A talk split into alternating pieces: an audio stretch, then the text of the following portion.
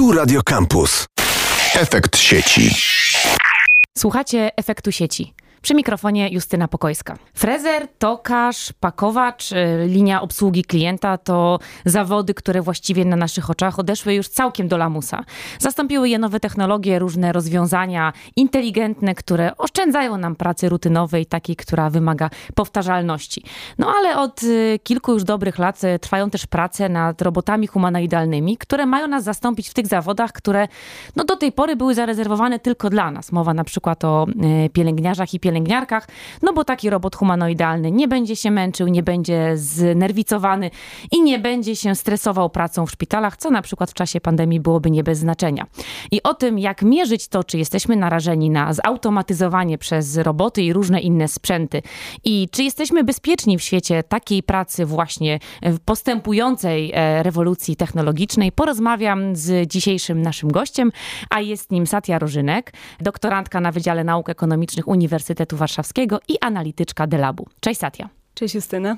Wszyscy pamiętamy, jak kilka lat temu były takie głośne prognozy mówiące o tym, że 40% pracowników lada chwila straci pracę, że nagle wszyscy zostaną zautomatyzowani, a pewne sektory prawie do zera.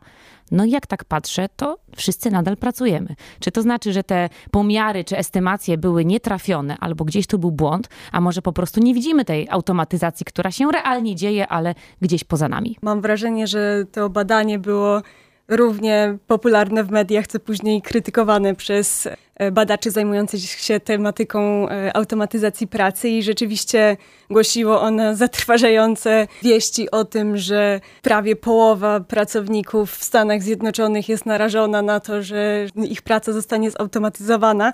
I wydaje mi się, że nawet dalej dostępne jest e, na stronie taka opcja, że można szybko wpisać swój, e, swój zawód, żeby dowiedzieć się, jaka jest szansa na to, że on zostanie w ogóle zautomatyzowany i że tylko klik tu i już wiemy, co, co się z nami dalej wydarzy. Ale prawda jest taka, że te estymacje zostały szybko zweryfikowane i głównym zarzutem, który był e, wysnuwany przeciwko właśnie tym badaniom, to były badania Frey i Osborna z 2013 roku, był taki, że oni jako jednostkę, którą analizują, ją wybrali właśnie sam zawód, czyli cały zawód, a nie zastanawiali się nad tym, co dokładnie, znaczy zastanawiali się nad tym, co wchodzi w zakres tego zawodu, ale myśleli bardziej o całym zawodzie jako jednostce, która może zostać zautomatyzowana.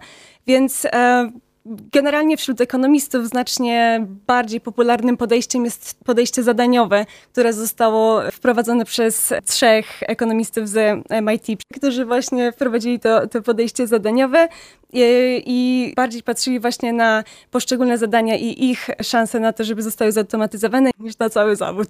No dobra, a jeżeli nie mówimy o, o, właśnie zawodach, to jak w takim razie zmierzyć to, czy jakaś profesja, czy też czynność, którą e, my wykonujemy, jest bardziej lub mniej podatna na automatyzację? Czy to jakoś trzeba się zastanowić, e, co ja robię i poszczególne moje czynności, na przykład e, obliczyć tam procent automatyzacji? Czy popatrzę na to, że istnieje jakaś liczba robotów, czy też nowej technologii, technologii, która współpracuje ze mną, jak zoperacjonalizować te czynności, czy też to niezawodowe podejście do całego tematu?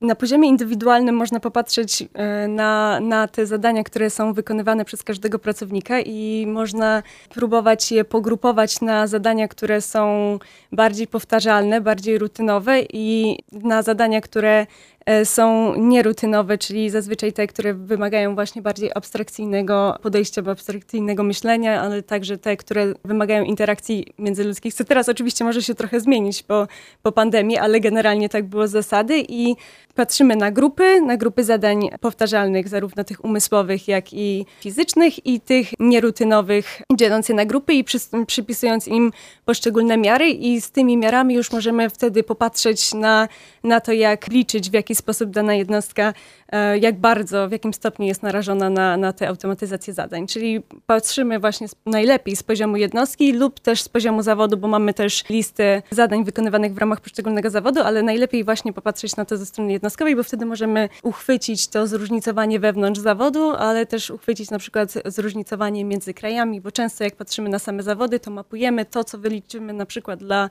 Stanów Zjednoczonych dla bardzo wielu innych, innych krajów i to rzeczywiście nie, nie musi się w ogóle pokrywać. To przechodząc do konkretów, jakbyś mogła powiedzieć, które czynności da się najprościej zautomatyzować, albo który z nas, kto z nas i pracujący w jakiej branży powinien czuć się najbardziej zagrożony, bo swego czasu właśnie w tych badaniach Freya i Osborna, o których powiedziałaś na początku, no zdaje się, że wykładowcy akademicy byli bardzo bezpieczni, e, obsługa klienta nie mogłaby spać spokojnie i te zawody, które są takie powtarzalne, e, związane na przykład z wypożyczaniem książek czy produkowaniem polis ubezpieczeniowych, one były zastępowalne. Już pomijam te zawody mechaniczne, takie stricte bazujące na pracy rąk ludzkich.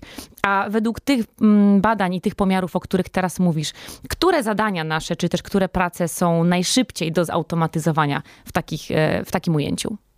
Ja myślę, że ten podział na y, zadania rutynowe i nierutynowe dalej powinien pozostać w naszej, w naszej głowie jako taka podstawa do tego, gdzie, które, które zadania rzeczywiście mogą być programowalne, ale ten zakres zadań, które mogą być automatyzowane z użyciem najnowszych technologii, szybko się zwiększa. Także te, te granice pomiędzy tym, co jest typowo ludzkie, a co może zostać przejęte przez maszyny, bardzo się zacierają. Dlatego tak naprawdę możemy powiedzieć teraz, że te osoby, które wykonują mniej rutynowe zadania, dalej mogą spać spokojniej niż ci, którzy wykonują zadania rutynowe, ale wydaje mi się, że w dłuższym okresie nie powinniśmy w ogóle spać spokojnie, tylko powinniśmy bacznie obserwować, jak właśnie te granice się przesuwają i jak możemy się dokształcać, zwiększyć swoje kwalifikacje, żeby nie pozwolić, żeby rozwijająca się technologia przejęła nasze zadania w przyszłości. No to jak powinniśmy się dokształcać, Satya? Bo mówisz o tym, że no nie możemy spać spokojnie, ale żeby to tak nie wiało tylko defetyzmem.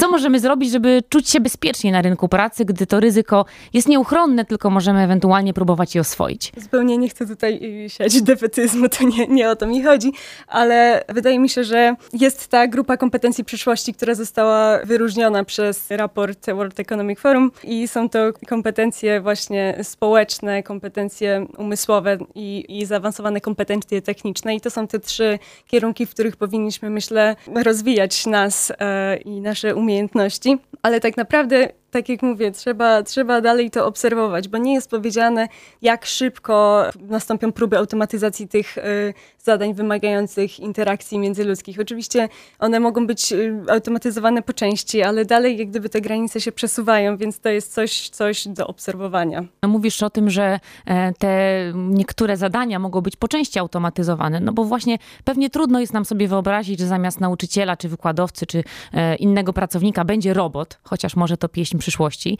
ale jakoś łatwiej możemy się oswoić z myślą, że będziemy z robotem współpracować, że on przejmie jakąś część naszych obowiązków i stanie się naszym kompanem, ale nawet y, może niezauważenie przejmie obowiązki, których my nie chcemy wykonywać. Na przykład myślę o funkcjach różnych w arkuszach kalkulacyjnych, czy e, programowaniu, które też zdjęło z nas konieczność liczenia tego wszystkiego na piechotę.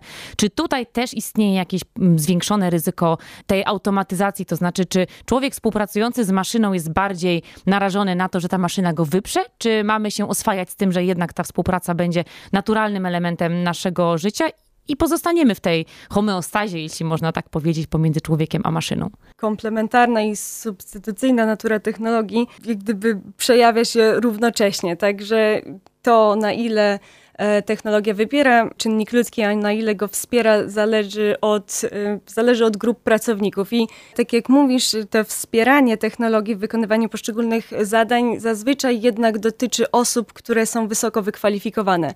One częściej wykonują te zadania, które są nierutynowe niż osoby o niskich i średnich kwalifikacjach. Więc tak naprawdę to wspieranie technologii wspomaga te osoby, które nie muszą aż tak bardzo martwić się o to, że stracą e, stracą zatrudnienie, a wypiera, wypiera te osoby, które mają niższe i, i średnie wykształcenie. Także te osoby, które technologia wspiera, myślę, że, że to są te osoby, które raczej nie, przejmują, nie muszą się aż tak przejmować swoją przyszłością na rynku pracy, ale też trzeba pamiętać, że warto spojrzeć na cały wachlarz, wachlarz tych zadań, które wykonują te osoby. Możliwe, że tu jest jedno zadanie, w którym wspiera go ta technologia, ale ma też cały szereg innych zadań, które są zupełnie podatne na to, żeby zostać zautomatyzowane, więc de facto nie, nie potrafimy tak precyzyjnie powiedzieć. A czy dałoby się wskazać jakieś takie obszary, czy takie zawody, które będą takim e, bezpiecznym obszarem na rynku pracy, że w ciągu najbliższych 10 czy 15 lat istnieje szansa na to, że tam będziemy spali spokojnie? No myślę o naszych słuchaczach, którzy mogą szukać jakiegoś swojego miejsca na, na rynku pracy. Czy mogłybyśmy wskazać choćby kierunek, w którym powinni szukać takiego zatrudnienia, żeby jednak spać spokojnie bardziej niż wspomniany na początku frezer, tokarz czy pakowacz? Myślę, że tutaj trzeba się znowu zawiesić na tych e, nierutynowych zadaniach umysłowych i interakcji między ludźmi, bo dalej niektóre czynności będą zdecydowanie wymagały tego, żeby jednak się spotkać. Chociaż na przykład w tych początkowych estymacjach właśnie z tego badania, które już potem zostało zweryfikowane i o którym mówiliśmy na samym początku, na przykład psycholog był na absolutnej, absolutnym dole, końcu listy zawodów, które mogłyby zostać zautomatyzowane, a teraz w czasie pandemii dostaję cały czas jakieś powiadomienia o tym, że jest aplikacja do, do, do śledzenia swojego stanu i oczywiście nie mówię w żadnym stopniu, że to jest równoznaczne pomocy, ale, ale jest już tym takim elementem, który jak gdyby wspiera w tym, tym śledzeniu tego, jak, jak się czujemy, że może być czymś takim dodatkiem, jest wspomaganiem dla, dla danego zawodu. Czytałam też, że niektóre takie rodzicielskie kompetencje, jak na przykład karmienie dzieci, czytanie im bajek, że też mogą być w pewnym momencie zautomatyzowane i trudno powiedzieć, czy to będzie dobra konsekwencja, czy to będzie e, koszt tej e, procesu wypierania nas przez nowe technologie, ale być może zaoszczędzi nam trochę czasu na, na różne działania, a dzięki temu zyskamy czas na to, żeby na przykład e, pospędzać czas aktywnie z naszymi pociechami. Satya, a jeszcze ostatni temat na koniec, mianowicie dane empiryczne i to, co widać z danych, które przecież analizujesz przygotowując swoją rozprawę doktorską. Czy widać jakieś tu zależności empiryczne, czy na przykład są pewne obszary w Europie, czy, czy na mapie naszego świata, które są jakoś szybciej automatyzowalne, czy kraje zachodnie na przykład wiodą prym, a Polska będzie takim regionem, który będzie bezpieczny, stabilny i jednak e, spokojny na te procesy przyspieszonej transformacji cyfrowej? Struktura zadaniowa zawodów, tak samo jak też struktura zawodowa zatrudnienia w różnych y, krajach, zdecydowanie nie są, nie są takie same, nie są do siebie podobne, więc grupy krajów o podobnych charakterystykach mogą spodziewać się podobnego przebiegu tych procesów automatyzacji, ale, ale tutaj bym nie chciała tak dokładnie wchodzić w szczegóły. Bardziej przypominam sobie teraz badanie naukowców, między innymi z IBS-u, w którym przeanalizowali oni tak około 50 krajów pod kątem rutynowości zadań w, wchodzących w skład zawodów i zauważyli oni zależność, w której w krajach o niższym i średnim dochodzie ten odsetek zadań rutynowych w zawodach jest znacznie wyższy niż w krajach o wyższym dochodzie, co jest konsekwencją zazwyczaj tego, że, że jednak w krajach o niższych i średnich dochodach ten, to wdrażanie automatyzacji przebiega wolniej, więc i też ten czynnik ludzki e, wykonujący e, zadania powtarzalne może być relatywnie tańszy niż technologia.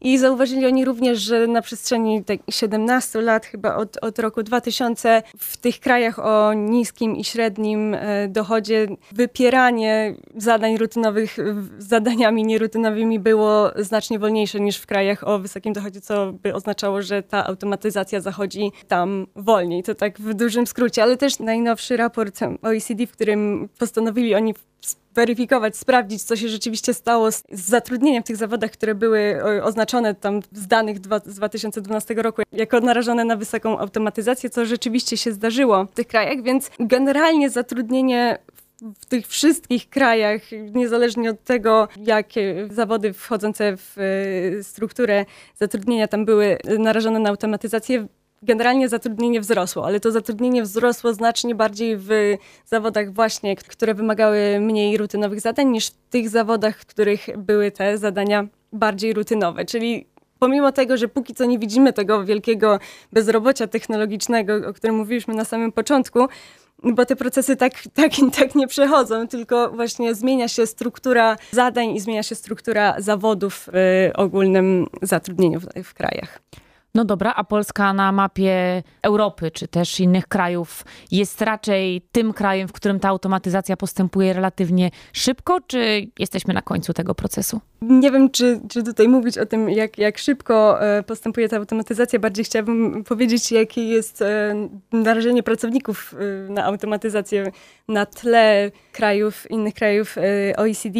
I z tego, co pamiętam, to właśnie to badanie, które weryfikowało tezy Freya i Osborna o tych 47% narażonych, które potem po zastosowaniu podejścia zadaniowego ujawniło, że jednak ten, e, ta skala e, narażenia na automatyzację zmniejszyła się dość mocno, bo aż do 9% średnio w krajach OECD i też tak samo 9% w Stanach Zjednoczonych, to Polska na tym tle ma odsetek wysoce narażony na automatyzację to mniej więcej 7%, czyli jakby trochę poniżej jest średniej. troszkę poniżej średniej i tak samo jak jeszcze, jeszcze PWC na, pracowało na tych samych danych, ale podzieliło te fale automatyzacji na trzy fazy i w tej e, ostatniej fazie, czyli takiej, która jest e, e przewidywana do mniej więcej końca lat 30. XXI wieku, w tym kontekście, z tej wizji tego, jakie będą możliwości automatyzacji, wychodziłoby na to, że mniej więcej jedna trzecia Polaków jest teraz zatrudniona w tych e, zawodach o, o wysokim ryzyku. Ale tak jak mówię, to jest troszkę dalej idąca wizja i myślę, że teraz, teraz e, w związku z tym, że nowa fala tego badania, na którym opierały się te wszystkie analizy, jest planowana na 2023 rok i to jest druga fala badania tych o nazwie PIAG. Myślę, że ta nowa fala będzie mogła dość zrewidować te wszystkie e, oszacowania, które do tej pory były były wysnute i myślę, że to je, będzie bardzo, bardzo ciekawy temat, jak, jak w ciągu tych 10 lat, kiedy ta automatyzacja, te procesy bardzo przyspieszają, to się wszystko zmieniło, więc czekam. Czyli czekamy na kolejną pulę danych. Pozostaje nam obserwować bacznie, przyglądać się rynkowi pracy, naszym zadaniom, temu, co się dzieje dookoła, bo wcale być może te procesy są nie tak jednoznaczne, jak nam się wydawało. No i pamiętajmy, co trzeci Polak jest narażony na to, że jego zadania, jego praca, czy też fragmenty jego pracy będą zautomatyzowane, więc co? Inwestujmy w kompetencje, e, szkulmy się, e, uczmy się kompetencji cyfrowych, technicznych, poznawczych, nie bójmy się tego, co nieznane, bo za kilka lat to będzie dla nas chleb powszedni, czego Państwu i sobie życzymy. Bardzo Ci dziękuję, Satya, za tę rozmowę. Jestem pewna, że wrócimy do wątku ryzyka, czy też narażenia na automatyzację, bo to coś, co nas wszystkich realnie dotyka i może dotknąć e, w najbliższej przyszłości. Naszym gościem była dzisiaj Satya Rożynek, doktorantka na Wydziale Nauk Ekonomicznych i analityczka Delabu. Dziękuję, Satya, za rozmowę. Dzięki, Justyna. A my słyszymy się jak zwykle w kolejnym odcinku Efektu Sieci. Efekt sieci. Campus. Same sztosy. Campus. Same sztosy.